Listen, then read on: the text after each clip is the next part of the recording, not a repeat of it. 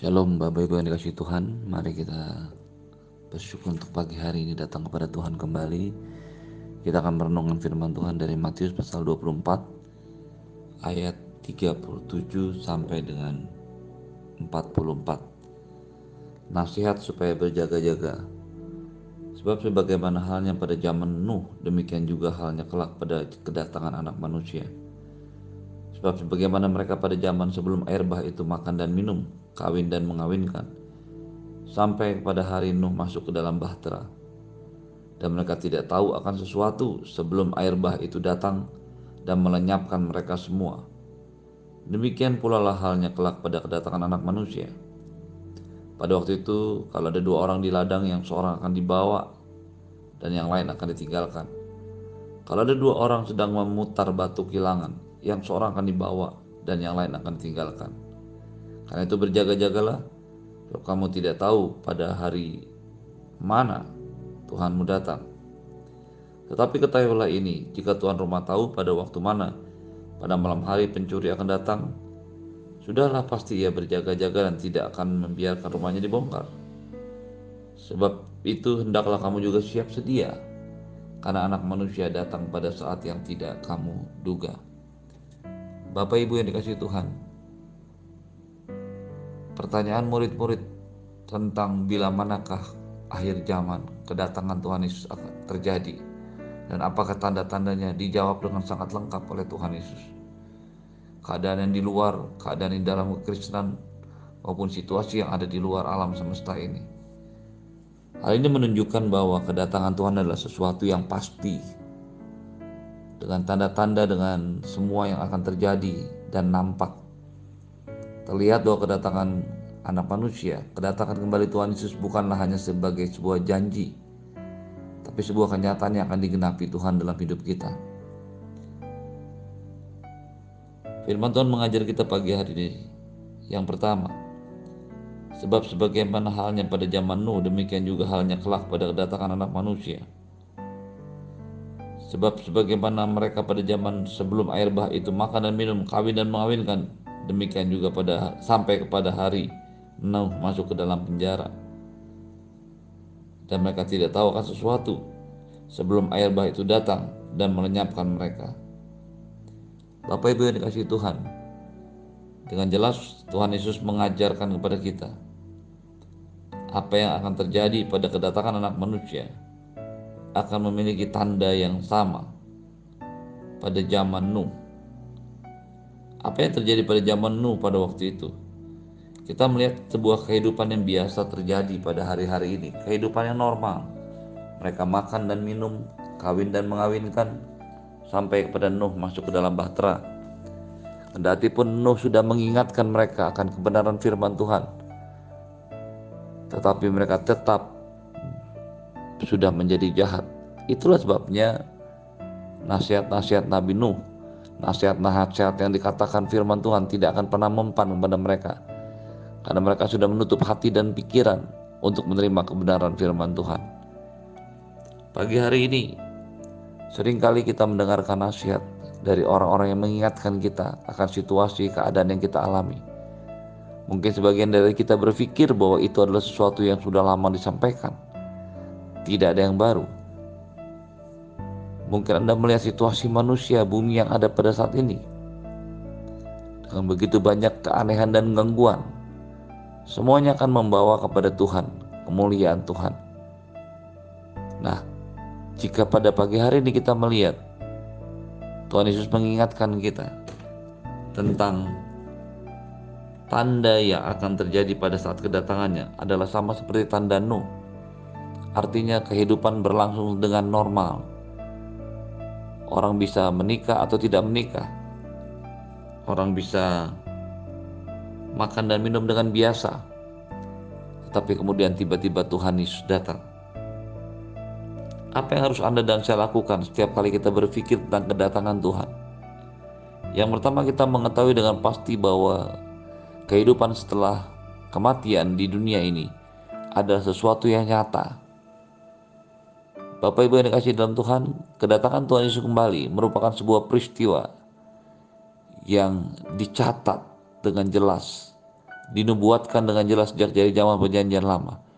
Itu sebabnya begitu Tuhan Yesus menyatakan dirinya, mereka semua atau sebagian besar mereka menerima kebenaran yang disampaikannya. Tentu saja ada orang-orang yang tidak mau menerima kebenaran, mereka berpegang pada apa yang mereka pegang sendiri. Pagi hari ini Bapak Ibu sekalian pastikanlah untuk mengambil sikap seperti yang Tuhan Yesus inginkan. Sikap seperti apakah?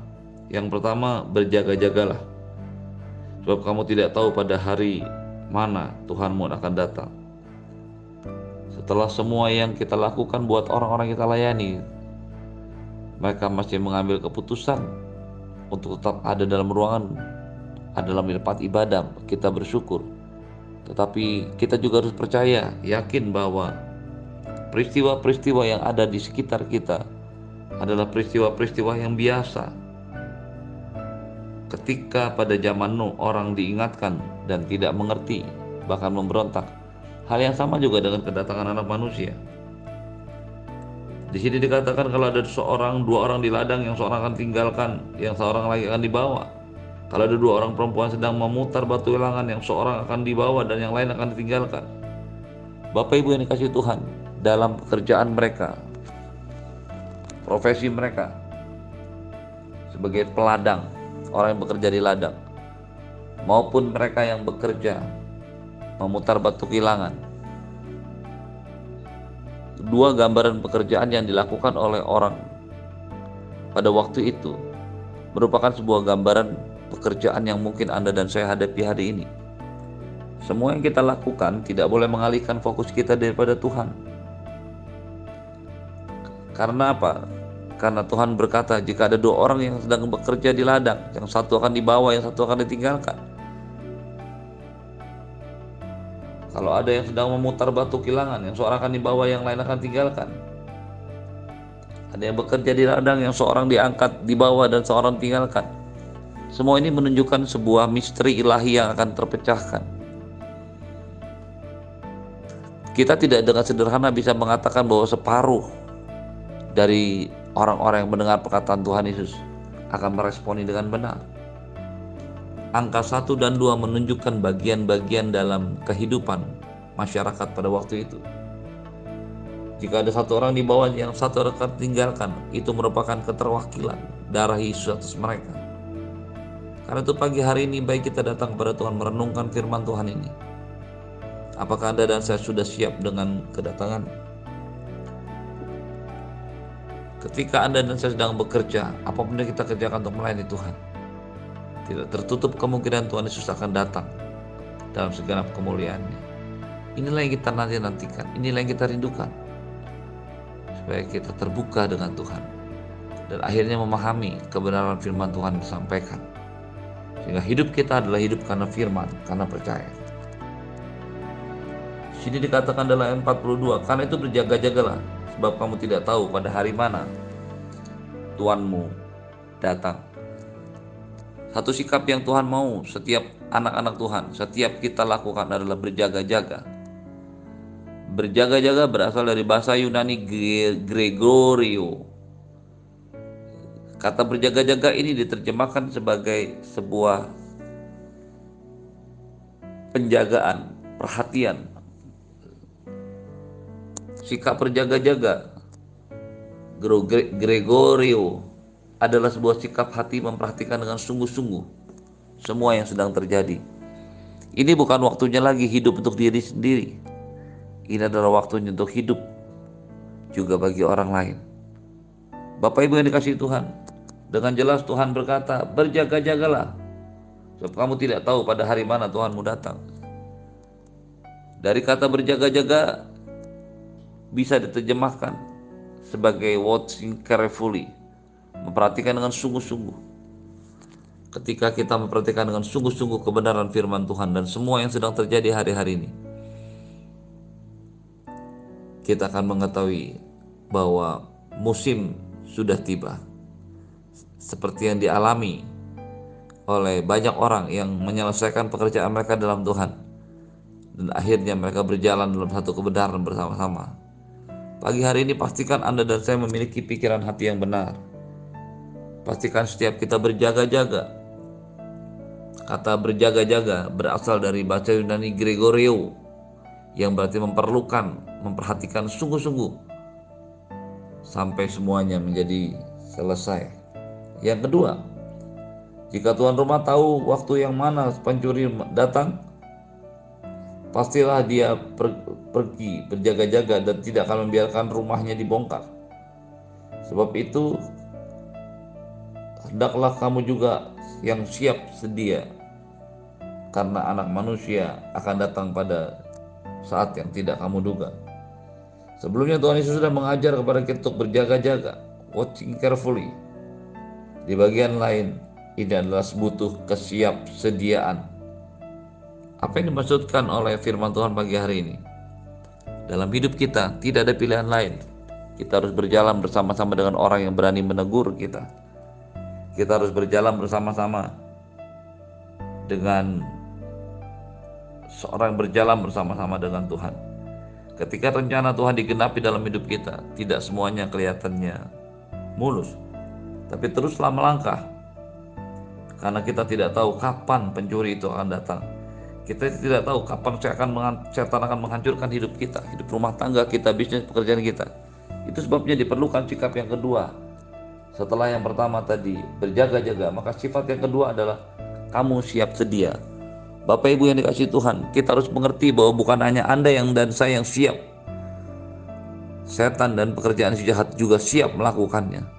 Itu sebabnya pagi hari ini saya mengajak Bapak Ibu sekalian, hidup dalam selalu dalam kebenaran firman Tuhan, bukan sekedar retorika, tetapi sebagai sebuah kebenaran yang muncul di dalam kemuliaan Tuhan.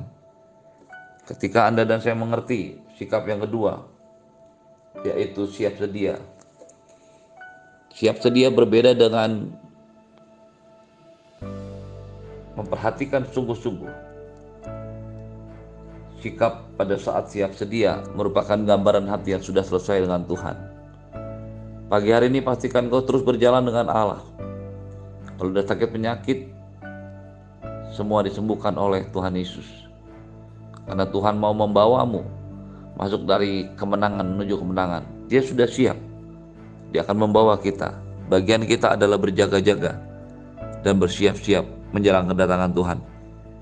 Sehingga pada waktu dia datang dalam kemuliaannya, kita siap dan kita tidak pernah ketinggalan.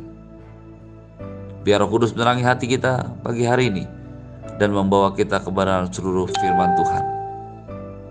Terimalah berkat yang berlimpah-limpah dari Bapa di surga, cinta kasih dari Tuhan Yesus, penyertaan sempurna dari Roh Kudus, menyertai hidupmu hari ini dan sampai selama-lamanya. Semua yang percaya, Katakan amin. Shalom, selamat pagi, Tuhan berkati. Selamat beraktivitas.